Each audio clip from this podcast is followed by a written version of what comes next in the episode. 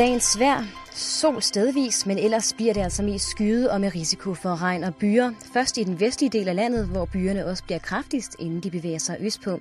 Temperaturen i dag lander på mellem 15 og 20 grader, mens vinden bliver svag til frisk mellem sydvest og sydøst. Du lytter til Radio 24 /7. Danmarks nyheds- og debatradio. Hør os live eller on demand på radio247.dk. Velkommen i Bæltestedet med Jan Elhøj og Simon Jul. Τόση αγάπη ξεχνάς Ρωτώ τους φίλους μου τι να συμβαίνει Κανείς τους να μου πει δεν ξέρει Και έτσι μόνος περιμένω στη γωνία κάθε βράδυ στο σκοτάδι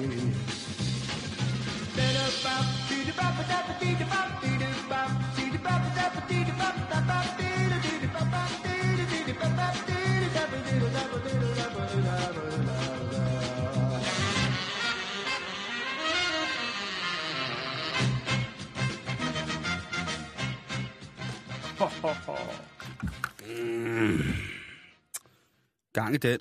Ja. Gang i den. Jeg er Buzz Lightyear. Ja. Det er nemlig rigtigt, hvad Christoffer inden fra nyhederne sagde, at øh, vi har nemlig gæster i dag. Ja. Og det er øh, Eller gæst. gæst, det er en gæst, og det er en, en meget, meget verdenskendt gæst, og det er øh, ikke vores, det er, øh, det er, øh, det er Brunus, kan man ligesom godt sige. Det er Bruno. Det er, hvad hedder det, men øh, vi har fået lov at låne den i dag, og det ja. er vi selvfølgelig rigtig glade for. Og det er der Øh, en helt speciel årsag til, at vi har. det har vi, vi kender jo alle sammen, jeg ved ikke om, om alle gør det, men Og det gør de. Buzz Lightyear, Jo, hvad hedder han på dansk? Jeg, jeg har ikke styr på de danske ting. Øhm, øh, Paul Lysår? hedder han det? Nej, jeg ved det ikke. Mener det? Han hedder vel Buzz Lightyear, det er jo ligesom det, han siger der, hvor han snakker dansk. Og det er Ja. det, vi skal snakke om. Det er det, vi skal snakke om. Kort. Vi skal snakke om, at tit og ofte så, eller jeg er blevet, sådan blevet opdraget, at, at det der med eftersynkronisering, det er ikke som sådan altid er, er det fedeste i verden. At man skulle altså... Det er lidt ligesom Google Translate, ikke? Jo, lige præcis. Lige præcis. Men, men det her, det er lidt ligesom... Øh, den der tegnefilmsting med, at alt skal oversættes til, til dansk, så børnene Jo. kan forstå det. Vi snakker dansk. Lige præcis, og det er selvfølgelig også øh, meget rart, og det kan jeg øh, for, for mange ting øh, en gang, når jeg selv får, får skrabet nogle børn sammen, så skal, kan jeg jo når jeg godt se det på den måde, at det er fedt med, at det, det er dansk, og de snakker til det, men den her figur snakker også dansk, og, øh, og den, den siger nogle ret vilde ting. Altså, den siger, da det vi lige har hørt, den siger, ikke? Øh, Jeg er Buzz Lightyear. det siger den jo. Ja, det så skal siger, han jo Og så også. siger den også, Jeg er Buzz Lightyear, Space Ranger. Det siger den. Og så siger den også det her. Buzz Lightyear melder sig til sektortjeneste. Hvad? Hvad siger du, Boss? Buzz Lightyear, mønstre af. Ja, Det var ikke det, du sagde lige før. Hvad sagde du lige før? Buzz Lightyear melder sig til sektortjeneste. Til hvad? Buzz Lightyear, mønstre af. Ej, sig det, som du siger til at starte med. Buzz Lightyear melder sig til sektortjeneste. Sex og tjeneste. Sex og tjeneste. Jeg mildt Der, der er gået noget galt på fabrikken der. Et eller andet er der, er der er stukket noget af i de der taletip der, som ikke helt er, er blevet indtalt mm. ordentligt. Men øhm, Kan han, bev- kan han bevæge alle led? Jeg tænker mere, hvis han skal opfylde nogle ønsker. ja, hvis han skal opfylde nogle ønsker. Jeg kan jo godt, eftersom at jeg jo er meget, meget, meget... Øh, Adræt. tak, mormor. Nej, jeg, jeg kan jo godt, hvad hedder det, på mange måder gætte mig frem til, hvad han skal sige. Men det lyder ikke sådan, Nej. som den skal sige. Og det synes jeg øh, på, på mange måder jo er, er, er sørgeligt. Buzz Lightyear melder sig til sektortjeneste. Nej, det, du melder dig ikke til sex og tjeneste her. Slet ikke i det her program.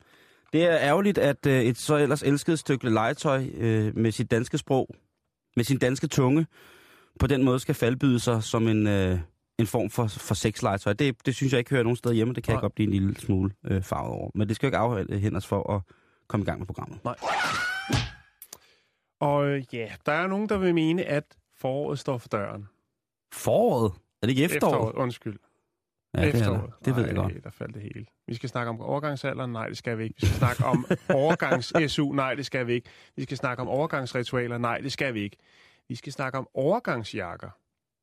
Fordi at efteråret står for døren, og så skal man derud og erhverve sig en overgangsjakke.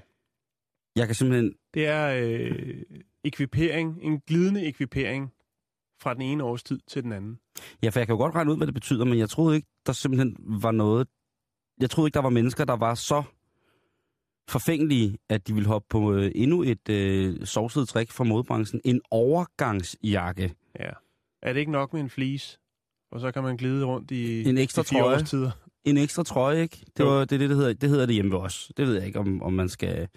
For sommerjagt, det, nej, jeg har ikke... Har du købt øh, overgangsjakke? Øh, nej, jeg har, jeg har en del fra sidste år og forrige år og året før der. Men der har du altså købt overgangsjakker. Mm, Jeg, ved, jeg har ikke betegnet det som øh, præciseret eller defineret det som værende overgangsjakke, men bare det med, at det bliver lidt koldere, og så har man en vindjakke eller en anden tynd, smart jakke. Og det er faktisk Woman, der ligesom har fundet fire rigtig, rigtig, altså damebladet Woman, Ja. der har fundet øh, fire fantastiske overgangsjakker, Er så du er klar Ej, til efteråret. Hvor dejligt. det er Womans egne fire favoritter. Udover det, så vil de også godt lige øh, pointere, at der altså også er ved at tid til at slappe lidt mere af indendør. Og det kan man jo gøre i fem super feminine kimono. Kimonoer. Ja, der At- har de at- altså også lige fundet fem. Så de er, de er ved at bygge op til efteråret, Simon. Det, Altså overgangsjakken og så en dejlig kimono, når du kommer hjem. Så Ja. er du med. jeg, jeg er helt Hele vejen. med, med kimonoen. Jeg har jo også en super dejlig kimono, jeg har købt for omkring 8 dollars i Chinatown i... Øh, Med paljetter og... nej, den er meget, meget, og- den er meget, meget, meget simpel. Øh, den er sikkert lidt for kort, og den er, den er pisserar på. Øh, men 8 dollars Chinatown San Francisco, det er jo et fund for de penge. Og den har, altså holdt, den har altså holdt i nogle år. Det, og det Ja. er rimelig autistisk materiale, den er lavet i, vil jeg helt så sige. Det er sådan en blanding af viskose og et eller andet andet. Akryl. Som, ja, det kunne det, snit, det, kunne det faktisk snit være. Det gode ved akryl er, at det faktisk er tørt, lige snart du hiver det ud af vaskemaskinen. Du har fuldstændig ret. Men Nå. jeg har så fundet, Ja. undskyld mig, Ja, ja. fordi at, da, da du siger det her tidligere i dag, så tænker jeg, det skal ikke hedde sig, at øh, det er altid dig, der skal komme med de, med de hæftige fashion news. Så jeg har været på alt for damerne, og der har jeg altså læst Victoria, Zushnikov. ja, noget af den stil, øh, hendes øh, artikel, der hedder Ugens nøglekøb. Okay, nøglekøb. Yes. Har du prøvet det? Er det fordi, der er den der, det der nøglemærke på? Jeg ved det ikke. Altså, Nå. vi nærmer os den der, øh, og det er gratis til alle jer reklamefolk, der sidder derude. Øh, hvad hedder det? Altså, kampagnen, der hedder, der er så meget kvinder ikke forstår, den er fin nok, men her der er der altså også utrolig meget mænd ikke forstår. Og øh, et nøglekøb, der vil jeg uden- umiddelbart øh, sige, er der noget, er der en lås et sted i vores, vores hverdag? Bil, cykel, hus, hjem, et eller andet kælder, en hemmelig kasse, som jeg skal have lavet en nøgle til det er selvfølgelig overhovedet ikke det, drejer sig om. Det drejer sig om, hvad er det allervigtigste, den allervigtigste beklædningsgenstand at købe i lige præcis den her uge, ifølge alt for damerne, Jan. Og ved du, hvad det er? Det må være overgangsjakken. Nej, det er simpelthen de hvide bukser. De hvide bukser. Ja. Oh, det er mange år siden, jeg har haft par de hvide bukser, åh, de hvide bukser, toe. hvorfor? Det, hvordan er hun nået frem Jamen, til det? det står der, denne her sæson har hvide, øh, hvide bukser ikke været at gå udenom. Den klassiske Ej, hvide, den klassiske hvide sommerfarve skaber et let og lækkert look, ja. som du kan bruge både til Bygningsmalerne, hverdag, Kjærhus. Ja. Hverdag aften. Her er vores bud på ni hvide bukser. Så har de så simpelthen vist mig ni par hvide bukser, Ja. så man er ikke i tvivl om, hvordan hvide bukser ser ud. Nej. Men det er altså dit nøglekøb, Jan. Det er så Ja. åbenbart, hvis vi slår det sammen. Er der nogen, der er taljeret? Jeg er vild med taljerede bukser til mig selv. Det ved jeg ikke. Der er nogen, i, der er emaljeret. Jeg ved ikke, om det... Eller lavtalje, det er også, det kan jeg godt. Jeg godt Okay, jeg er mere til sådan en, øh, en bermuda sådan en piratbuks med lommer på siderne. Det er også fikst. Mhm. Og gerne lidt snøre for, nede i bunden, Lige ikke? præcis, Ja. lige præcis, så man kan have sin, øh, sin hyldeblomst liggende dernede, når man er ude at samle, ikke? I sin hvide piratbukser og sin lille crocs og sine uldstrømper. Jeg har i den grad haft hvide Hvad? cowboybukser, men det, det kan jeg Det lige har så... jeg også haft. Ved du, hvornår jeg havde det? Jeg scorede ikke i dem. Nå, Det- nej. Jamen, jeg scorede aldrig, men jeg havde hvide cowboybukser sidst, da jeg gik i 9. klasse. Ja, jeg har nok været lidt ældre. Ja, det er Men, som men regel er du mest altså. til højtaljet eller lavtaljet? Altså, du, det skal ikke være dem, Super. der bare går lige der. Jamen, det i kommer an på, hvilken situation det er. Ja. Øhm, jeg er øh, sindssyg, og det er fordi, jeg ikke er med på moden, så jeg er vild med lavtallede bukser. Jeg synes, det er... Øh, piger i lavtallede bukser, Det er... Jamen, det, hvad med dig selv? Nå, jamen, jeg er jo, jeg er jo en uniguy, kan man sige. Jeg, jeg gør, kører jo med det hele. Jeg kan sagtens have et par bukser på, hvor om morgenen så er de højtallet, og så om eftermiddagen, så hænger de helt ned og flagrer om. Ja, sådan er jeg. Jo, jeg, det... jeg er ikke øh, på den måde genert. Nej, det har jeg bemærket. Men altså, Og øh, godt, godt, vi overgangsjakken... laver radio og ikke tv. Lige præcis. Overgangsjakken og de hvide bukser, Ja, Det er så er du godt på vej. så er man altså for sindssygt klar til at, øh, at rykke i den her uge rent modmæssigt, ikke? Fan, mand! Hvad ligner det her? Ud på gaden, mand! Man går og skvatter i det!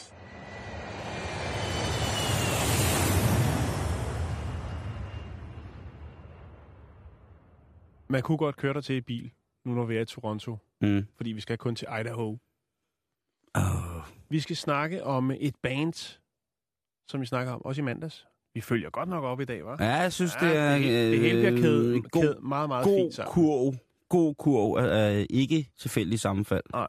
Det synes jeg. Der bliver hævet op af den samme fondue-gryde i dag. Jamen altså, en fong, der har stået, er nødvendigvis ikke dårligere. Men hvad sker der med Nickelback? Det var fordi, vi forleden dag postede en ting på vores Facebook, hvor at man kunne lige så stille finde ud af, hvilke af ens Facebook-venner man skulle øh, få til at søge hjælp. En Ja, eller slette. Eller slette. Ja, det kan også godt være, at det bliver for meget at sige. Dem vil jeg ikke hjælpe. Altså, det er jo en app, hvor, eller en lille øh, computerfinurlighed, hvor at man, hvis man klikker på den, så kan man se, hvil, hvilke af ens venner, som har liket Nickelback. Og det er jo, øh, som ordet siger, på alle mulige måder, øh, forurening af værste skuffe. Det, det, må man, det må man sige. Hvis man er lidt i tvivl, så kan man jo lige...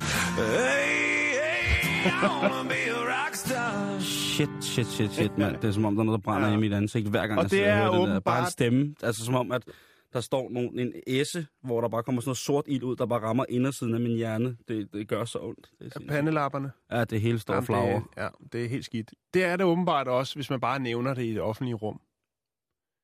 Ja. Eller noget, der minder om det. Ja, det kunne jeg godt forestille mig. Det håber jeg også sker mange steder. Vi skal snakke om en film, der ligger på YouTube. Jeg kan lægge den op her efter. Jeg Ja. har fortalt, hvad jeg går ud på. Det er altså to, to kollegaer, der er på vej hjem fra arbejde. De kører ind på en tankstation for at tanke deres store, flotte bil op. Ved siden af holder der en anden bil med åben dør. Og der er der så en fyr, der hører Nickelback. De to kollegaer, som er ankommet til tankstationen, de åbner døren for at gå ud og tanke, og siger lidt højt en kommentar, et eller andet, ala, wow, great, Nickelback, eller sådan noget. Ja. Lidt, lidt ironisk. Ja. Det er der en politibetjent, der observerer. Og så tænker jeg, er det Åh. ulovligt at sige Nickelback? Nej, nej, men der er mange politibetjente, der godt kan lide Nickelback. Det er faktisk Sindssygt. ikke det, er ikke det, det, det falder på. Nå, okay. Jeg kender mange betjente, som er tosset. Betjenten opfatter det som om, at i det han går ud af bilen, siger Nickelsack. Og Og- Nickelsack er ligesom dimebag, en doseringspose, man øh, får, når man øh, erhverver sig den hellige urt. Altså marihuana. Åh, Marujana, søn af alle, lige der går. præcis. Ja. Og det er det, at betjenten tror, han siger. Nå, Så han ryger over til bilen og sagde, hvad var det, du sagde? Og her, så står den her unge fyr, som lige har fået fri på arbejde, og siger, øh, sagde? Jeg sagde, wow, fedt, Nickelback. Og så siger han, nej, det gjorde du ikke. Du sagde Nickelsack. Vi vil godt have lov til at indvende hele din bil. vi vil godt finde det, som prøver. Jeg, mig og mine kolleger her, vi er lige fået fri. Altså, du må være mere end velkommen. Jeg kan ikke forstå, hvorfor er det er forbudt at sige Nickelback. Og der går lidt frem og tilbage. Og det er jo tit sådan med de her videoer, der ligger på YouTube, at der tænker man, hvorfor er det ikke bare, at de giver betjenten det, han vil have, og så luk ned der. Fordi du kommer aldrig til at vinde den kamp lige. Mm, mm, mm, det er ordens magten. Hvis de tror, du har noget stash på dig, ikke? Ja, men det er også det, så vender de vrangen ud på dig. de, de, går lidt, de går lidt op, det går lidt op i en spids, ikke? Fordi han insisterer jo, den her betjent, altså på, at der bliver sagt nickelsack, og de står der, nej, jeg sagde nickelback, bla bla bla. På, det ene, på et tidspunkt, det hele bliver filmet på en Ja, ja, mobiltelefon, der vælger den ene betjent simpelthen at trække sin pistol. Man kan godt nok ikke se det i billedet, men senere ser man så den ene af de her sådan, to unge mænd i den her bil, der lige har fået fri fra arbejde, der er inde på den her tankstation for at tanke op og høre Nickelback, hos dem, der står ved siden af, stå i håndjern. Fordi der har den betjentene så åbenbart fået nok. De har trukket deres håndvåben og puttet den ind i håndjern. Fordi nu er det altså seriøst. Nu har de fået nok. Ja. Og det er til trods for, at de er blevet tilbudt at øh, rense hele bilen for at finde øh, den hellige urt. Altså politimændene har fået tilladelse fra de forurettede, kan man sige. Lige præcis. Okay. Okay. Ja, anytime, brother from another mother. Kig i bilen. Vi har ikke noget. Vi har lige fået fri Men det er det, jeg siger, Nickelback gør folk sindssyge. Jamen, det er det, Det jeg gør, mener. det gør, de trækker våben, det, det, går, det går mok, hvis der kommer for meget Nickelback. Det, Ja. det, det, det, det, det, kan blive voldsomt. Det Jo. kan blive voldsomt. Man skal virkelig dosere Nickelback. Virkelig øh, på mange måder. Det, og, og det synes jeg bare, hvis man kører rundt lige nu og hører og, og kigger på nålen, når man kører rundt og hører Nickelback og kigger på nålen og ser, nu skal jeg ind og tanke op, sørg lige for at skrue ned, fordi det kan få fatale følger. Ikke kun for dig selv, men også for dine medmennesker.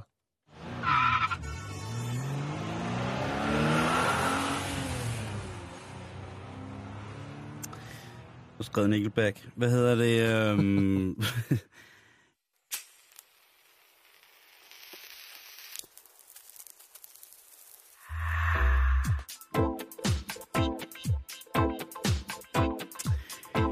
Nå, hold da op. ja, lige pt. Det var det var det var Øhm, en ny undersøgelse, som er blevet frigivet i blandt andet den, øh, det dejlige medie, der hedder forskning.no, det er, at øh, pot, altså den hellige urt, i ægteskabet faktisk kan være godt for noget. Vi hører jo altid de her forfærdelige historier med, at misbrugspar kommer galt afsted, og øh, det er også rigtig, rigtig, rigtig sørgeligt og tragisk på mange måder, men sådan er det vel med alle mm, former for misbrug, om det er små forbrugslån eller hvad det er. Men altså, 600 par er blevet, øh, hvad hedder det, øh, er blevet indlemmet i den her undersøgelse. Og det starter med, at de ligesom, da de ansøger om at blive gift i Buffalo i New York, bliver kontaktet af en forsker, som hedder Kenneth Leonard.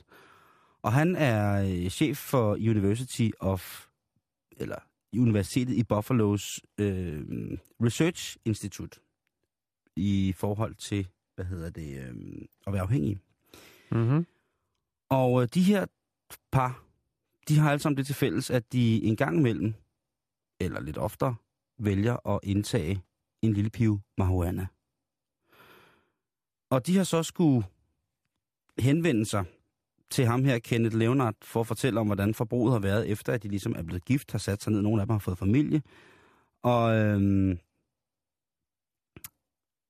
og der skulle man altså gennemgå hele, hele ens parforhold for den her professor og fortælle om, hvordan det, og sikkert også nogle andre, fortælle om, hvordan det gik på alle mulige måder. Der blev ikke overhovedet overladt noget til fantasien. Og det han så finder ud af, det er, at øh, de par, hvor at der bliver i fællesskab røget rigtig meget, der er antallet af tilfælde af vold i hjemmet, altså nærmest lige nul. Men de har simpelthen været for, de har måske ikke råbt, jeg slår dig, og så har de sagt, au, au, au. Der, øh, der har ikke været noget at gøre. Det er også klart, at øh, effekten, som man jo så taler om i forhold til, når man har indtaget det her pot, kan jo i den grad, i de fleste tilfælde, enten medføre, at man spiser meget, eller at man bliver utrolig træt og doven, eller det kan medføre, at man For froderen. lige præcis det, er det altså med at blive enormt sulten, ikke? Jo, og så er der ikke tid til at slås. Men altså over ni år er de her mennesker blevet, øh, blevet adspurgt om deres adfærd i forhold til, at de har haft pot med som en del af deres hverdag. Og jeg synes jo, at øh, det er mega, mega svedigt, at man på den måde har holdt styr på... Tænk på, hvis årgang 0 var det, var årgang 0 var lavet med potforældre, om hvordan deres børn så var blevet, ikke? hvis de havde haft et uh, almindeligt forbrug af pot. Det sjove er, at jeg tror, at mange af børnene var blevet fuldstændig ganske lige så unormale, som alle andre, alle andres børn er et eller andet sted. Men altså, nu ved du det, at øh, du kan indgå i en statistik, hvis du er et parforhold, hvor begge to nyder den hellige urt, og det kunne selvfølgelig få, jeg håber ikke, det er på den måde, som det var i USA med, at der er jo opstået det her problem efter, at frigivelsen af marihuana er kommet til, så er der selvfølgelig opstået et problem med, at der er nogen, der er lidt lyst, eller løsryger, som man kalder dem, ikke? Jo. Men øh, det skal nok gå det hele, og øh, indtil videre, så vil jeg da bare sige tak til Universitetet i Buffalo for at have lavet en undersøgelse, der har været så omfattende i så mange år på, hvad en indtagelse af pot har at gøre med hustruvold. Eller ikke hustruvold, men i hele taget vold, vold, i, vold i hjemmet. Vold i hjemmet, ja, ja, ja. Vo- Vold i hjemmet. Og det, øh, ja, det tyder simpelthen på, at øh, der, er ikke, øh, der er ikke andet at tænke på, end at sådan er det bare.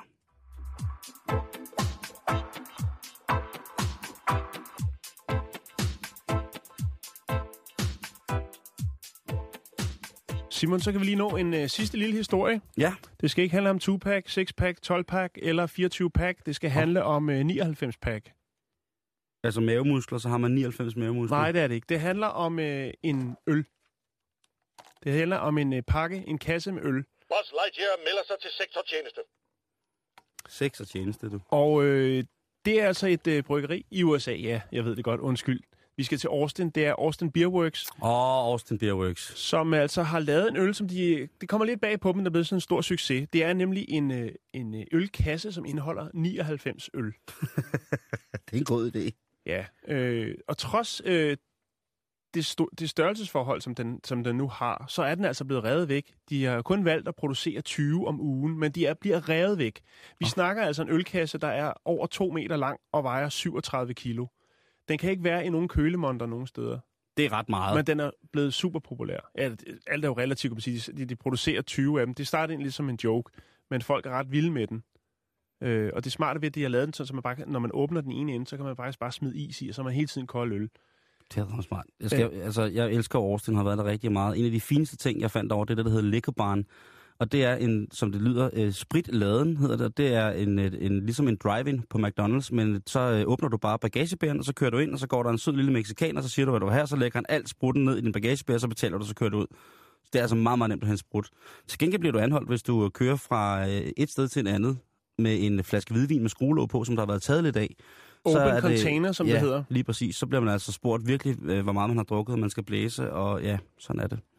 Altså, så, så det, jeg lægger lige en film op. En, øh, der kan man også se de cool øh, gutter her fra Austin øh, Super. Beerworks, og hvad de går og råder med, de, de er ret cool. Og der kan man altså også se den her kasse øl.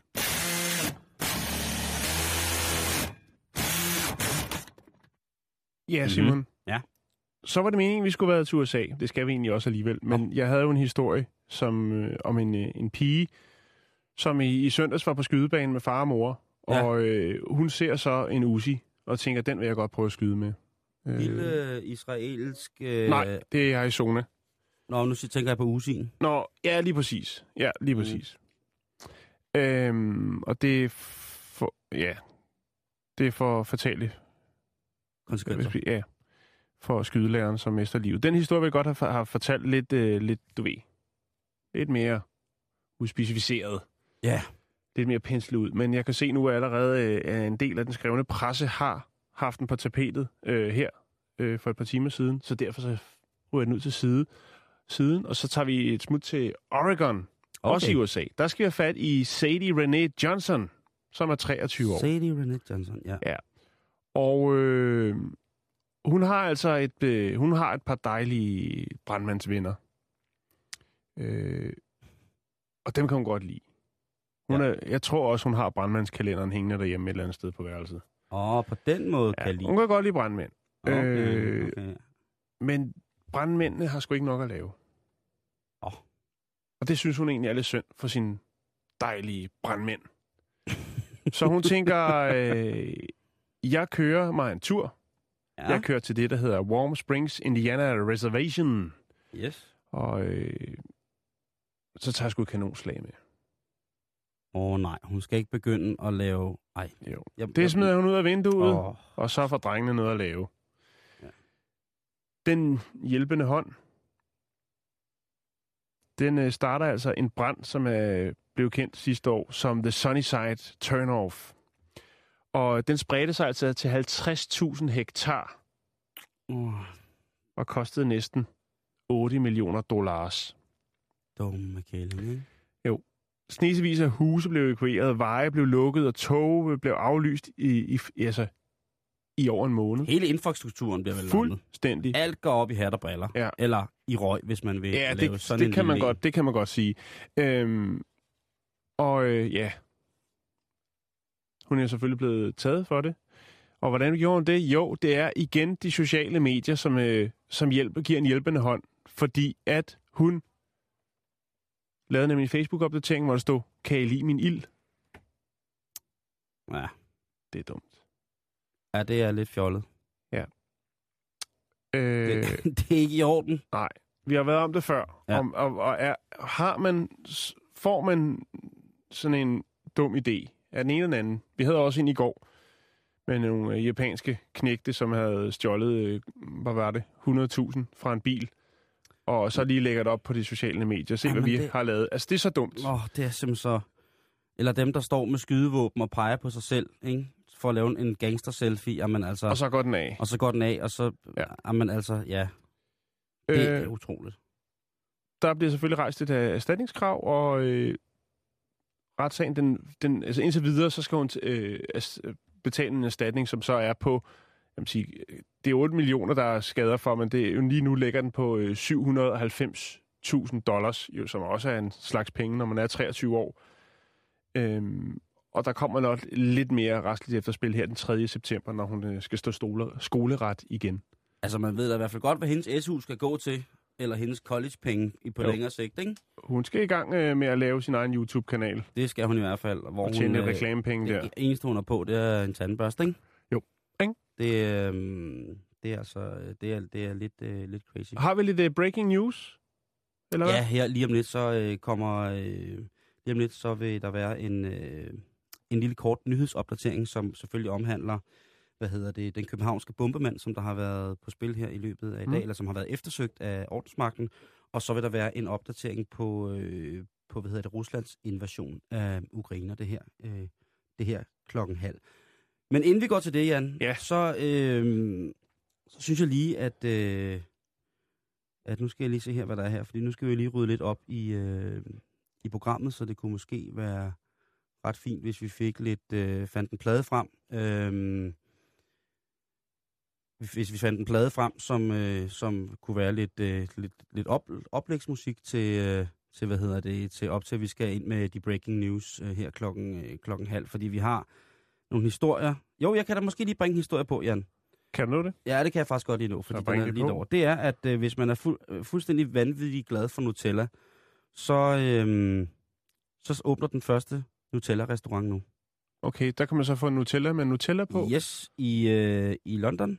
Den hedder et såkaldt Nutellaria. Og øh, nej, den åbner første omgang i New York, øh, Ja. hvor der blandt andet er de klassiske Nutella-pandekager, Ja. en sød chokoladepizza, og hold nu fast, en Nutella banan bacon sandwich, hvis det er det, man har lyst til, ikke? Det er det ikke. Og du, jeg, jeg ved ikke øh, med, med, med Nutella og sådan noget. Jeg ved jo, som sagt, der, der ligger jo den øh, Magnum-restaurant i Bangkok, som jeg i tid og utid ynder at hive frem, som er en restaurant, hvor man kan gå ind, og så kan man bestille en is, som til nærmest is, en af det produkt, vi har i Danmark, der hedder en Magnum. Og der kan man så sætte sig inde og øh, få lavet forskellige fyld og alt muligt mærkeligt, ikke? Mm. Og nu ved jeg ikke, om du kan lide Magnum-is. Jo, Men det kan jeg godt. Det er i hvert fald ikke, jeg kan også godt lide det. Det Det, er i her- hvert, i hvert fald ikke i sådan en grad, at, at man vil betale, den, den koster jo, hvad koster den, 30 kroner eller sådan noget, Ja. hvis man køber den i, i, i en kiosk eller sådan noget i kjolderen, men jeg kan så sige, at den starter på omkring 80 kroner på restauranten i Thailand, og, og spise, det ved du også, for, og kære lytter, jer der har været i Thailand, hvis man spiser for 80 kroner i Thailand, så er det altså mad til fire mennesker, ikke? Jo. Der får du altså en custom magnum, hvis det er, hvis det, er det der, ikke? Men Nutella med Nutella. Nutella med Nutella, og det er altså selvfølgelig i USA, man skal åbne den, ikke? Jo. Øh, Det kunne også have været Japan. Det kunne sagtens have været Japan. Øh, Nutellaria, det er jo, øh, de har tænkt at åbne både i Miami og i England. Og i Asien vil det selvfølgelig være kæmpestort. Ikke mindst fordi, at chokolade jo er en vanvittig dyr importvare til, til Asien. Jeg ved ikke, om du har lagt mærke til det i Thailand og i Japan og i Vietnam og sådan nogle ting. Og sager. Hvis man skal købe rigtig, rigtig god chokolade, så skal du virkelig lede længe efter det. Du skal nærmest på en form for en blanding mellem et en kernekraftværk og et apotek, før man kan finde det. Mm. Og så ellers, så, dem man kan købe i 7 det er bitte, bitte, bitte små stykker, øh, stykker, stykker chokolade, som altså koster en, en bondegård. Og øh, det er jo det. Men altså, øh, men altså Nutella videre. Men øh, Vi skal, vi skal til Beijing, vi skal til Shanghai, og vi skal også til Hangzhou. åh, vi skal til det dejlige land. Skal, den, skal, skal jeg rulle den ud? Ja, gør det, gør skal det, gør jeg det, finde gør den det. Ja, for gamle det, nu bliver kinesiske 68'er? Ja. Øh, oh, den kommer her, nu skal du høre. Men det er ret vildt, ikke? Vi skal til tre byer på en gang. Ja, på én gang? Ja, det skal vi. Vi skal faktisk i biografen i alle tre byer på en gang. Åh, Fordi- Fordi... kinesiske biografer, det er the fucking shit, altså. Nogle biografer i de tre førnævnte byer har nemlig fundet på noget, som gør, at folk, der nyder en god film, nyder den endnu mere. Nå, Ja. Hvordan tænker man det? Er gratis mad, gratis mad. Det kunne det godt mad. være. Man må ryge i biografen. Nej. Mm. Det er noget, der er meget, meget op i tiden. Og det er jo det der med, ligesom at lave et fællesskab i form af interaktivitet, sociale medier. Ah, Yes. Du kan sikkert regne det ud, Simon. Og det kommer ikke bag på dig, når jeg præsenterer det for dig. Mm. Men nu har man altså i de her biografer valgt at gøre sådan, så at folk kan skrive beskeder oppe på filmlæret, mens at filmen bliver afviklet til hinanden. Er det sådan noget dating? Det kan det godt være. Det kan også være, hvis du er i biografen med din forhenværende retarderende svigermor eller et eller andet, og hun så spørger, hvorfor, Forhåndværende retarderet svigermor. øh, og hun spørger, hvorfor Bruce Willis skyder ham fyren. Mm. Så i stedet for at spørge dig, så kan hun lige tekste med noget, der hedder øh, Danmaku, Danmaku øh, tekste op på skærmen og spørge ud til resten af seerne i biografsalen, hvis der er noget, du ikke forstår i filmen. Det kan jo også være, at du sidder nede på bagerste række helt alene og kører popcorn ned. Så kan du skrive single fyr, bagerste række. Hvad siger I til det? Skru ned for den slikpose på række 6. Det kan også være... Øh, Skal der smør på popcornene? det er butleren, der gjorde det. Vi ses i baren. Altså, man kan lave mange forskellige Det var ting. Ulf Bilgaard, der gjorde det, vi ses. Ja, præcis. Ej, hvor er det sindssygt. Og, Tænk, øh, men, men kommer det så op på selve skærmen, mens man sidder og ser filmen? ja, og jeg har fundet, jeg har Ej, fundet en jamen. film på YouTube, Er det sindssygt. Hvordan kan hvor man så det er, se at det er blevet filmet. Nogen, der sidder i biografen og de her ting. Jamen, det kan du ikke, fordi jo flere, der synes, det her system er fantastisk, jo flere tekster kommer der altså rullende ind fra højre side mod venstre med små beskeder. Det er så... Øh, Det er jo så sent, men det er meget, meget typisk, øh, typisk Kina. Fordi jeg kan, jeg kan fortælle en, en... Skal jeg fortælle en lille sjov historie? Ja, gør det. Ja. Gør For det. Nej, for nogle år siden, der var jeg i Kina og spille musik. Nå, det var da sjovt, hva'? Ja, det var jo spøjs, spøjs stemmende, den lige rammer ned den, ikke? Ja. Der møder jeg så en mand med ni penge. Nej. Det, der jeg så finder ud af, det er, at vi er nede og spille sådan noget jazz-musik. Og det, jeg så finder ud af, det er, at mens man spiller fint, stille og roligt jazzmusik, så kineserne, de har fuld gang i at sidde og sms'e, snakke, råbe, synge nærmest. Altså, de, de er fuldstændig ligeglade, ikke? Og Jo. lige så snart man så stopper musikken, så er der helt stille. Ja, for de skulle nok blive opdaget. Lige præcis. Og så igen, så kører den sådan der, og så tænker jeg, det kan måske være, fordi vi, altså, at vi spiller så utrolig dårligt, ikke? Jo. Indtil jeg var inde og se en stor klassisk symfonisk øh, koncert med en af Kinas aller, allerstørste symfoniorkestre. Psykofonisk. Ja, det var, og det blev psykofonisk, det blev psykotelefonisk. Prøv at høre, de der, den der, de søde genøjser, de fyrer den af under, øh, altså, selv de mest meget, meget, meget piano, pianissimo passager i et nedadgående ritardando i den klassiske musik. Selv der, der flækkede de den af på mobiltelefoner og sad og snakkede og øh, delte slik og sådan nogle ting. Og så det var helt vanvittigt. Så det der, det overrasker mig overhovedet ikke, men hold kæft, hvor gad jeg ikke gå ind og se sådan en film. Nej, og, og det er jo det der problemet, synes jeg i hvert fald.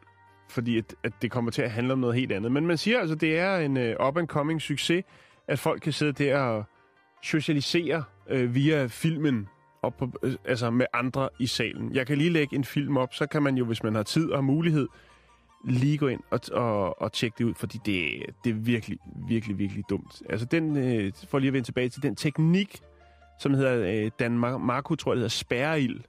Øh, det er åbenbart en, en form for et, et spil med nogle ildringe, som er meget populært i Japan og Kina. Mm-hmm. De har jo Mhm. alle mulige mærkelige spil, og det er åbenbart Ja, det den, de. som man har tilføjet som et lag på, øhm, På filmen. på, på filmen, ja. er det, er det Øh, crazy. Der er et, et, et streaming-websted, der hedder Nico Nico. Doga, tror jeg, det hedder. Øhm, Oh. hvor det er, det her det har været utrolig populært, og derfor har man ligesom sagt, øh, altså der kan man blandt andet putte taleboble-ikoner på og alt muligt fis, ikke? Ja. Og det er derfor, man ligesom tænker, okay, hvis det rykker her, så prøver vi også at rykke det i biografen og se, om det kan noget her. Og øh, det kan det altså. Jeg håber ikke, det er noget, der spreder sig som ringene i vand, fordi det... Æderrødme. Æderrødme. Jeg lægger lige en lille... øh, Jeg fandt det på YouTube, øh, ikke fordi at mit kinesisk er så, så skarpt, men øh, det lykkedes mig. Og her kan man altså se, hvordan det er at gå i biografen anno 2014 nogle steder i Kina.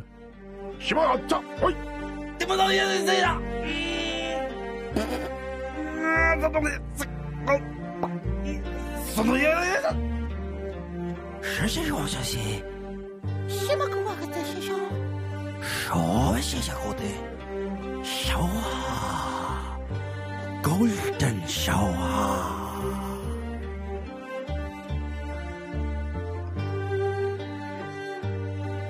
Bông yen, musicity. En lektyr, som jeg holder så sindssygt meget af. Og det er jo samvirke. Åh, oh, samvirke. Det er dejligt, dejligt blad. Så bliver det godt. Nu bliver det nemlig både øh, vigtigt og godt. Og jeg kigger jo i, i hvert fald minimum et par gange om ugen i samvirke, både i den trykte udgave og så i deres interaktive udgave. The online edition. Men man skal ikke vende dem ryggen til Nej, i lang tid før de er guns blazing. Det skal man ikke. Det, det, prøv at høre. Jeg åbner deres hjemmeside i dag. Lige pludselig så er der en stor fed æblekonkurrence, hvor man kan vinde 4.995 kroner. Bum. what? Ja, ja. Vi går ind i æblesæsonen nu, ikke? Okay. De har 10 saftige opskrifter på laks. Åh, Ja, slap nu af. De har nem sing- single mad. Nem mad til en. ja. Kono ris. Spaghetti bolo. ja. ja. De har, man kan ikke bare lave noget til mange, og så fryse lidt ned. Nej, der er specielt mad til en. og de har altid. Men det store hit lige pt. i Ja. ja. samvirke, det er hud. Emnet hud. Altså, de snakker om det, der jo dækker hele vores krop. Ja. Okay. Og en af dem, det er, de har noget, der hedder 10 ting, du ikke vidste om forhud. Og det er vores pligt, Jan, at informere folk om 10 ting, de ikke vidste. Ja, det er det i hvert fald åbenbart blevet lige nu, kan man sige. prøv at høre. Nu skal du bare høre efter, fordi det kan godt være, selvom du er en, en gammel nisse og har en slidt forhud, så kan det godt være, at... Øh, Tak. jamen, jeg ved ikke, min er helt væk, ja. så det er ligesom lige meget. Øh, Det så, skader ikke at være lidt forhud. hvad siger du? Ja. Nå. Lad mig høre, hvad det er, du kan. Du kom ikke med den vidighed der. Jo, det gjorde jeg. det, er- det. Altså, du, har, du hiver os ned i sølet gang på gang, og tror, at du kan redde det hele ved at bare putte ordet samvirke ind, og så er det okay at snakke om... Øh... Mm. Jeg, Ja, jamen, det er fint. Lad, bring det på, bruder. hiver os ned i sølet. Hvis... okay, det skader ikke at være forhud. Okay, prøv at høre. Størrelsen på forhud varierer. Men mænds forhud er cirka på størrelse med en 50 kroner seddel, hvis den bliver strakt helt ud. Til sammenligning... Hvordan? Skal du da ikke... Øh, Det er en vild med- målestok. Ja. Har de så, så haft liggende på en bord en 50'er, en 100 kroner seddel og en 500 kroner seddel Og en 20'er. og, og, en, og en, en 1000 lap, og så tænke, hvor, hvor meget kan vi strække den her forhud? Jamen Jan, det er jo bare for at give et pædagogisk billede af nogenlunde størrelsesforholdet. Ikke? Så sidder man med sin punkt og siger, okay, det er alligevel rimelig meget. Lad mig lige prøve at se. Jeg tror faktisk, hvor, hvor, så, hvor Du stor blev den? ud i punkten. Nej, nej, men jeg har du penge mener med. øh, pengepunkten. Ja. Okay, ja. Hvor, hvor, hvor meget blev den, når man hæver ud? 50 kroner. Det har jeg her. Ej, det passer fandme, Det er fandme ikke rigtigt, det der. Det er en 50. Er du sindssygt, den er, så, Ja, så skal man gå til lægen. det Så er der sgu noget galt. Hvis du har... Hvis du, Så passer den ikke nej, til nej, men det kan også godt være, at dem fra Samvirke, de har hævet og hævet. De, de har siddet på redaktionen og sige, prøv at høre, kom Ja. lige herover og hjælp. Og så, det kan godt blive, det kan godt blive, det kan godt blive vildere. Det kan godt blive... Og så er de altså flået i praksis. 50'er. Ja. Nå, Jeg kører, vil, altså, jeg vil sige, klip, del den over måske. Så har vi Ja, også ikke? strukket den, ikke? 25 kroner sedlen, så Ja. tror vi, vi er ved at være der. Ja. Nå, Okay, nå. men tak for info. Ja. Øhm, mange jøder og muslimer omskæres, omskærer deres drenge og fjerner forhuden. Op imod 2.000 drengebørn omskæres om året i Danmark. Desuden bliver over halvdelen af alle amerikanske nyfødte drenge omskåret i høj grad af hygiejniske grunde. Hvis forhuden fjernes, prøver kroppen at kompensere for den manglende forhud for at beskytte den, blod, øh, Velbekomme. den blotlagte glans med et nyt lag hud. Men det nye lag hud er hårdere og ikke så elastisk og følsomt som den oprindelige forhud. Bum, bum. Øh, det kan jeg skrive under på. Det kræver, øh, der er en form for teknik, man lige skal... Øh, ja. Tak. Så kan du få den her, tage den her med. Den er også vigtig. Hvis man bor i områder, hvor HIV er meget udbredt, nedsættes risikoen for HIV-smitte, hvis voksne mænd omskæres. Mm-hmm. Mm-hmm. Så hvis man bare har på fornemmelsen, det er jo ikke, jeg løber, siger ikke, at man skal løbe med, med, Hvis man med, bor i med, Tåsing... Øh, med en halv vind. Nej, det, det siger jeg ikke. Jeg siger bare, men hvis man har på fornemmelsen, at folk dropper omkring en som fluer på grund af HIV, så er det en Ja. god idé lige at få hævet nissehuen af. Det står i samvirke. Godt. en omskåret... Hov, det vidste jeg ikke. Hov. En omskåret mand kan restaurere sin penis og få sat ny forhud på kirurgisk. Denne forhud får dog aldrig lige så mange nerveceller, som den, øh, som den naturen havde givet ham. Så kan den blive lige så stor, som man vil have den. Lige præcis. Og så kommer det måske det der 50 1000 kroner. kroner sedlen. Nå, ja, undskyld. Okay, godt. Restaureret. det er kraftigt også. Det er godt ord. Tænk at gå ned til lægen, ikke? Ja, og sige, jeg prøver, jeg skal lige have gang i en hel renovering af det her søm. Ja, jeg skal have for, jeg skal have for en 50, for en 50'er. for en 50'er kødkrav. Ja, Nå, en 50'er Fokus! Det er jo vigtigt der. Jeg kan mærke, Ja, det er meget vigtigt, du, Jan. brænd, du, brænd, det, du brænder for det. Kvinder har også forhud. Kvinders... Det er ikke frækt, Jan. Det er naturligt. det Kvinders var den der forhud, stemmeføring. det var mere for at gøre den alvorlig. Nå, okay. Ja, okay. Ja. Jeg kan også se det sådan her! Nej, lad os Okay. lige nu, ikke? Kvinder har også forhud. Kvinders forhud sidder på klitoris. Den er en kort forlængelse af de indre skamlæber og kan variere meget i størrelse og længde. det kan Mange kvinders klitoris er på størrelse med en 50'er. nej, nej, nej. Nej, nej. Langt de fleste kvinders klitoris er på størrelse med en 50'er. Simon, Nej, det står der ikke. Øhm, nogle kvinder, der står rigtigt, det er, nogle kvinders forhud dækker klitoris helt, mens andres er så lille, at klitoris er blottet. Ja, det er jo, øh, det er jo spændende nyt, og det, og det, og det er, Ah. er, er noget, som jeg, jeg mener, Alt at... er øh, relativt. Ah, Jan, ved du hvad? Det synes jeg er... øh, Det synes Så jeg det er noget farligt. Jeg synes, det er farligt, farligt at sige. Ja, det, Paratviden, der godt lige er lige af til en konfirmation eller Mm. noget Mm. under maden. Det kan, godt være, du, det kan da godt være, at jeg ikke tog den der, der hed øh, hudquizzen. Den kan det være, at vi skal have øh, en anden dag inden for så lang tid. Men igen, Jeg kan også se, at de har den, der hedder Få flot hud med ting fra dit køleskab. Den vil jeg godt have, at du bringer på banen i morgen. Det lyder rigtig spændende. jamen, det kan godt være, at, øh, at det bliver, bliver noget af det. Der kan jeg godt tænke på nogle kendiser, som har nogle virkelig mærkelige ting i deres køleskab. Jeg kan godt at se deres hud, efter de har været en tur i køleskabet. Det skal vi snakke om i morgen.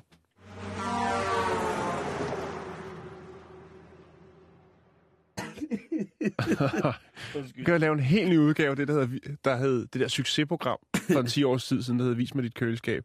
Undskyld, ja. Ja, ikke? Det skulle slet ikke have været så fjollet med den her forud, for jeg synes faktisk, det var ret vigtigt. Men jeg Ja, ja, jo, jo, jo, jo. Ja. Men, ja, Men da- det, da det var nok også mig, der ligesom blev revet, revet med af stemningen. Det er jeg ked af, Simon. Det, Det det, plejer ikke at ligne Nå, mig. Jeg, det plejer at være mig, der står for den, jeg den er del af her programmet. ligesom for at... Og, ja, for at hive, for hold at hive det op af. For, Ja, ja, for- for ligestallet. Ah, ja, okay. Nå, øh, er det så mig Ja, nu? nu er det fandme dig. Nå, åh. Nu skal vi snakke om kvinder. Fy for helvede. Øh, nej, det skal vi... Jo, ja, jo det, nu snakker vi om en kvinde. Okay. Vi skal til Loughborough i England.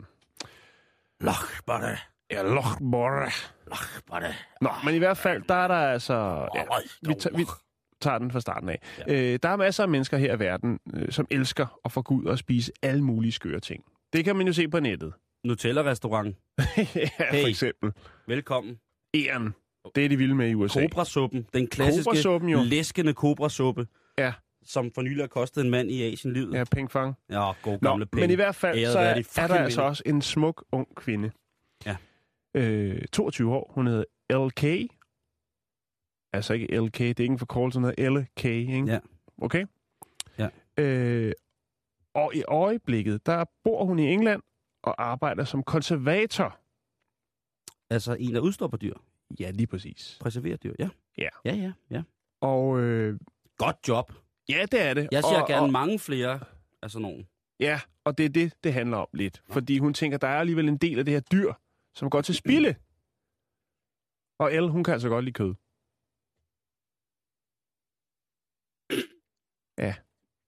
Jeg har fået fniseren på, Jan. Du har fået fniseren på. Jeg forestiller mig bare sådan en pige, der sidder og moser en ule. Jeg ved det ikke. Der er... Nej, det gør hun. Hun tilbereder det. Jeg ved ikke, om hun kommer med en kogebog om et par år. Men i hvert fald, så er der jo også noget miljøhens. Øh, altså, det er meget godt, ligesom i stedet for lige at smide det ud til højre, så tænker hun, der er lige øh, et frisk roadkill her. Lad mig lige lave den her skade. Og så kan hun servere op på øh, kollegiet. Hun er jo studerende også. Øh, på Loughborough University. Øh, og så kan hun jo lige lave en skadegryde, eller Janne fondue, eller hvad det nu skulle være. Øh, hun siger selvfølgelig, der er selvfølgelig noget, det skal selvfølgelig være friskt kød. Hun med. Ja, det er ikke en, øh, altså, Ikke sådan en gammel fisk, der har ligget. det er ikke en eller anden, øh, en eller anden skamkørt skade eller noget. Der, det, det skal være frisk. Men hun tænkte, hvorfor ikke ligesom også bruge den del af fuglen, dyret, hvad det nu er, til at lave en lille ret ud af. Øhm, og øh, altså, hun indrømmer, hun er glad for at spise kød, og der er mange, der, der, øh, der ser sådan lidt ilde på det, og tænker, at det er sgu lidt, det er lidt for mærkeligt. Er det lidt bestialsk, synes de måske, at hvis mm. man har Mm. kørt noget ned, så må man også godt spise det? Er det sådan, det hænger sammen? Ja, altså, det, hun har siddet der og udstoppet dyr, så hun tænkt, hvad med resten? Det må da kunne bruges til noget. Den er jo stadig varm, kan man sige. Ikke? Og det kan være, at hun måske cykler sig en tur en gang imellem og finder lidt godt. Det er jo set før også i Danmark. Øhm, hun er selvfølgelig lidt, lidt øh, udforstående for, at folk synes, det er så mærkværdigt. Og så tænker jeg, at jeg lige vil kæde det sammen med lidt statistik. Det synes jeg er en god idé. Det er altid godt med Ja. statistik. Der kan vi tage den, øh, som gælder Danmark. Øh, 2013. Der dør der altså omkring 5 millioner dyr i trafikken. Mm. Og det er så også de små, ikke? Jeg ved ikke lige, om, øh, om, om de helt små hører med, for der er nok flere. Men altså, det er i hvert fald dem, man ligesom tæller med. 13.700 er tallet øh, af dyr, der hver dag mister livet i trafikken. Det lyder, ah, det lyder lidt tragisk, gør det ikke det, Simon? Og det, det synes jeg, det, Jo. det, det Og det er så lyder- alle, men man kan sige, størstedelen af dem er jo ikke nogen, der er til, til far for os. Nej, nej, for det handler jo kun om mennesket. Men omkring en million af dem er altså pattedyr. Og fem, tal af det, det er altså store dyr. Alene står øhm, hjortevildt for 25.000 25.000 årlige dræbt. Mm. Det er et ret højt tal, synes jeg. Ja. Det er Skov- og Naturstyrelsen, der smider det høje tal på bordet. Men de tæller jo sikkert også fugle og, og sådan nogle ting. med. Jo, men 25.000 hjortevild, det er jo i Ja. væk. Altså, det er stuning til hele Lol- til Lolland Falster der. Ja. Øh, den her artikel, som jeg fandt, der er så lige noget, der er lidt sjovt ved den, fordi det er jo altid sådan, når du går ind på en eller anden artikel, så er der nogle øh, relaterede øh, annoncer. Og øh, til den her an- annonce, som er øh, hvad hedder det, Skov- Naturstyrelsens øh, en, en artikel derfra, der er der så lige to artikler, som jeg, eller to annoncer, jeg godt lige vil smide med ind over. Det er blandt andet den, der hedder Få tre uforpligtede tilbud på udretning af buler eller andet pladearbejde. det er sgu meget godt tænkt at smide den ind der. Ja. Og så er der også den, der hedder Få tre gratis uforpligtende tilbud på eksempelvis reparation af bremser. Undskyld, den skal jeg lige have igen. Få tre gratis uforpligtende tilbud på eksempelvis reparation af dine bremser. Okay. Og den er jo også meget god, ikke? Det kan jo være derfor, man har ramt noget. Det er simpelthen et vildt tilbud. På den anden side, hvis man har set en, øh, en bil, der rammer en, øh, en halvstort øh, stykke kronvildt øh, med omkring 80 km i timen, så er det altså til, til voldsom skade. Selvfølgelig ikke mindst for, for det stakkels stykke vildt, Nej. men altså også for øh, køretøjet, og det kan også være til stor far for de mennesker, som er det. Og så tænker Mm. man, hvordan er det nu med, med dyr herhjemme? Præcis. Og Må der man kan- udstoppe dem? Øh, ja, det må man i hvert fald. Men Ja. nu tænker jeg jo på, hvis man skulle gå i Els fodspor, og så kan man så bare tage den med hjem og æde den? Ja. og der er jo forskellige regler heldigvis, ikke? Øhm, du kan finde ud af øh, masser af ting inde på øh, Miljøministeriets Natur og Naturstyrelsens hjemmeside, men som fingerregel, så er det jo sådan, at man kan jo tage det lidt som en jagtsituation, ikke? Og der er nogle ting, hvor at man kan sige, hvis nu, at der er... For det første, så, når man skyder et, et dyr, så skal man have den tjekket for al, alskens parasitter og bakterier. Det gør man selvfølgelig på et øh, laboratorium. Og det gælder er- også de påkørte. det gælder i den grad også de Ja. påkørte. Det, gælder også, altså, det gælder i det hele taget... Øh, altså, det skal man lade være med. Hvis man har påkørt et dyr, og der ikke er nogen øh, synlige skader på, på dyret, så skal man huske på, at det kan også være sket noget, øh, noget inde i dyret. Det kan have fået knækket ribben, som har prikket hul på mavesækken, og på den måde, så kan det kontaminere resten af kødet. Det skal man også være opmærksom på, hvis man splitter dyret ad. Man skal i hvert fald ikke bare gå i gang med at æde det øh, råt. Man skal ikke bare hive en liter æggeblomme ud af baglommen, og så gå i gang med at lave tartar midt ude på gaden. Det går ikke. Man skal lige tjekke, om det er i orden. Hvis man er i tvivl, så kan man altid henvende sig hos, hos hvad hedder det, hos dyr. Hvis man kører et dyr ned, og det ikke bliver slået ihjel, så skal man ikke, mindre man er erfaren jæger eller spore, så skal man ikke gå dyrets spor eller gå i gang med at jage det, og specielt ikke om natten og sådan noget. Så man skal kontakte politiet, som så vil kontakte øh, øh, nogle, nogle mennesker, som Man, kan, man kan også øh, kontakte det, der hedder Dyrenes Vagtcentral, som har telefonnummer 1812. Lige præcis. Mhm. Mm-hmm. Og det vil jeg i langt de fleste tilfælde anbefale. så kan man jo altid henvende sig til dem og spørge, om det er i orden, at man, øh, man, man får dyret. Men man skal altså selv stå for at tjekke, at, man, at det er sundhedsforsvarligt i orden at konsumere dyret, eller have dyret til konsum. For der kan være sket så, øh, så forfærdeligt mange øh, ting, som man ikke rigtig kan, kan holde styr med. Altså for eksempel, hvis man, hvis man som jæger anskyder et dyr på en dårlig måde, og man ikke rammer rigtigt, så må man jo heller ikke æde kødet, hvis det er et, Nå, et, et, Jeg tænker også på, når den bliver ramt hårdt, og alle indvoldene bliver most øh, godt sammen, så kan der jo godt komme Mm. visse ting fra mavesækken ind og ud i kødet, og så Ja. tror jeg ikke, at det... Men der, og hvis man ikke har, har styr på at, at, knække sådan en, en, en kal eller kal inde, hvis, man, hvis det nu er en dog, eller man, man får fat i, eller hvad det nu er, så er det altså godt lige at få, få styr på øh, en gut, som kan finde ud af det, fordi at, øh, der er nogle ting med, hvad man skærer i, og hvordan man skærer, og hvor kører man, fører man kniven fra til i forhold til, skal den blive smurt ind i, øh, i alt muligt mærkeligt. Ikke? Altså man skal jo selvfølgelig holde øje med, med, med mundåbning, altså med hals, og så selvfølgelig med, med den bagerste tarmåbning, før man går i gang, at man på den måde ikke får noget af det kød, man gerne vil spise i kontakt med de forskellige organer, indre organer, som fører frem til de forskellige åbninger. Det er jo meget, meget vigtigt, og det er også øh, noget, jeg kan sige er... Meget, meget fint formuleret, Simon. Tak, tak, skal, tak skal Det du er have. jeg godt anerkendt for. Ja, der kunne jeg Nå. måske godt have bestået en jagtprøve en gang. Det tror jeg godt, at du ja. kunne. Øh, men det var bare det. Altså, øh, jeg synes, at LK, hun gør, øh, gør det meget godt. Det er meget godt tænkt. Og hvorfor være generet? Man kan jo ikke sige, at man ikke kan lide det, før man har smagt det. Det synes jeg fuldstændig er rigtigt, Jan.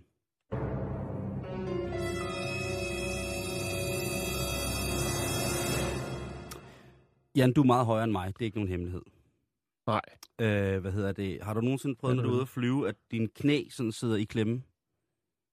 Ja, Jeg synes, At hvis man tager de helt billige øh, flyselskaber, så er der altså ikke meget plads til begejstring øh, i form af ben. Der, Nej. det er rigtigt. De, bliver, de kan godt blive knast lidt. Især hvis dem, der sidder foran, de ligesom vælger at slå sædet så langt ned, som de overhovedet kan, og så sidder forholdsvis uroligt. For hvis de sidder uroligt, og samtidig slår sædet helt ned, så sidder man altså og får klemt sine knæ. Og bang, der har vi problemet, Jan. Det du skal have, det hedder en knee defender. En hvad for en? En knee defender. En knæforsvarer. Ah. En knækofanger, om du vil. Og det er netop, som du, som du beskriver det, at man sidder i sin flystol, man har lige fået sin dejlige lille øh, bakke med et flymålside, bestående af alle mulige ting, sirligt pakket ind i plastik, eller folie. Der smager fuldstændig ens. Ja, ja. Der står en lille flaske Chatox på det der lille fine flybord, man har. Og de der små avex øh, i plastfolie, sådan salt, smør, peber og teskier og vådservietter, sådan, dem har man systematisk sat ned i sin tekop til senere, sådan så at man øh, efterhånden som måltid skriver frem, kan adde de ting, man ønsker bruge vådservietten, og til sidst så sidder man bare tilbage med det hele pakket ned i foliebakken, som man har udtaget sin mad af, og så sidder man med plastikkoppen klar til, når stewardessen kommer og siger, ønsker ni te eller kaffe? Og så siger man selvfølgelig, ja tak. Lige pludselig, mens du sidder der og bare betragter det her mesterværk af alle former for høj gastronomi, så vælter den store fulde indianer op foran i sædet foran dig tilbage, og det er jo ikke sådan, så den rammer bordet, men den går lige til, lige til øllet, og bum, så vælter det ned med skoldhede glaskartofler i skødet på dig, og det hele det ramler. Det er ja. ikke noget, man vil ønske for sin værste fjende. Og en af mine, en af bedste, en af mine aller, allerbedste venner hedder Sneglen, og ham rejser jeg rigtig meget sammen med. Han er altså mega høj, Jan. Han er, han er, han er det, man kalder Ja. ja. et lokum. Jamen, det er han. Og øh, på den mest positive kærlighed. Jo, jo, jo, selvfølgelig. Men han selvfølgelig, har selvfølgelig. altid troubles, når øh, vi kommer op i flyet, ikke? Og nu er der altså kommet den her Knee Defender, og jeg vil lægge et link op på vores Facebook-side med Knee Defender, så man kan se, hvad det er. Men i al sin enkelhed, så er det en, en person, som blev træt af det her. Og så tænkte han, hvordan kan man sørge for, at det her det stopper? Så han udtænkt en meget, meget snedig dims, som man sætter på de her små metalarme, der går op fra sædet foran dig, mm-hmm. som Mhm. ligesom er der, det der plastikbord er på. Så når man lige klapper bordet ned, så kommer der sådan to metalarme ud, bum, og så kører man plastikpladen tilbage, og så kan man sidde der og spise. Ja. Han har altså opfundet en dims. Sædet foran kan jo vippe uafhængigt af lige præcis den station, vi snakkede om før de arme. Ja. Han har altså opfundet, eller hun, jeg er ikke sikker på, hvem det er, har opfundet en dims, man kan sætte på de her metalarme på bordet, således at sædet ikke kan vippe tilbage. Det er godt tænkt. Og man kan faktisk justere det således, at man kan give hunden lidt snor op foran, så man kan sige, jeg ønsker, at sædet skal kunne vippes 20 grader tilbage. Måske er han meget sød, jeg ønsker, den skal 30 grader tilbage. Så låser jeg simpelthen ved arm, borarmens rod, således at han ikke kan rykke sig nogen steder frem eller tilbage. Okay. Det er godt tænkt, det vil jeg sige. Det er rigtig godt tænkt, Jo. men hvis man fjerner et problem, så er det jo nødvendigvis Mennesket sådan. kan udrette meget, når de bliver presset til det yderste. Det, øh, det, det er sandheden, det er smukt talt. Ja, nu skal jeg lige smide den her op på. øh, Vi er tilbage igen i morgen selvfølgelig. Nyhederne, de kommer her. Du lytter til Radio 24 /7. Om lidt er der nyheder.